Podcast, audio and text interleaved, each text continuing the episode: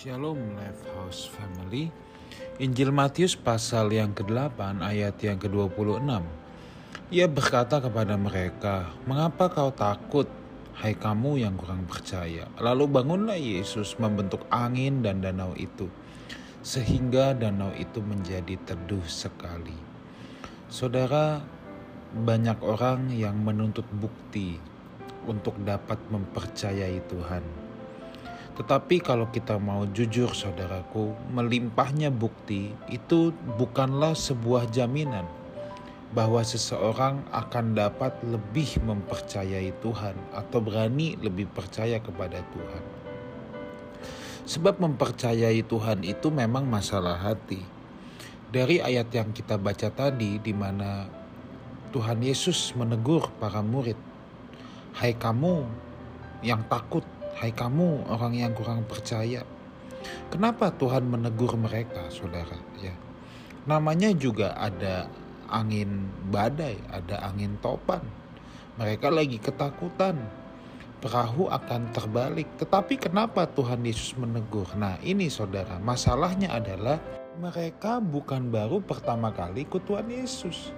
Mereka sudah melihat kok bagaimana mujizat, bagaimana setan-setan takluk, Bagaimana orang yang kerasukan pun tunduk dengan Yesus. Bagaimana begitu banyak mujizat hal-hal ajaib yang Tuhan kerjakan. Tetapi kenapa ketika bertemu dengan badai ini mereka menjadi takut. Mereka tidak bisa mempercayai Tuhan. Itulah sebabnya Tuhan menegur mereka. Mengapa kamu takut hai kamu yang kurang percaya? Karena sebenarnya mereka sudah punya banyak pengalaman mereka sudah punya experience dengan Tuhan. Mereka sudah melihat dengan mata kepalanya sendiri. Tetapi ya, tetapi begitu angin ribut mengamuk, gelombang menerpa, mereka dilanda ketakutan yang sangat. Hati murid-murid lebih dikuasai oleh ketakutan daripada keyakinan atau keberanian untuk mempercayai Tuhan kondisi tekanan angin ribut itu lebih menguasai hati mereka daripada mereka mempercayai Tuhan ya. Nah, alam semesta dan Alkitab dipenuhi berbagai kesaksian dan keajaiban karya Tuhan. Demikian pula kehidupan orang-orang percaya, termasuk saudara dan saya tentunya. Coba kita renungkan hidup kita saudara dari dulu sampai sekarang seberapa banyak Tuhan menolong kita, seberapa banyak Tuhan menyertai kita, dan Tuhan tidak berubah. Dia tetap memegang kendali atas hidup saudara dan saya, dulu, sekarang, sampai selama-lamanya. Nah, sekarang kita berkaca pada hari ini.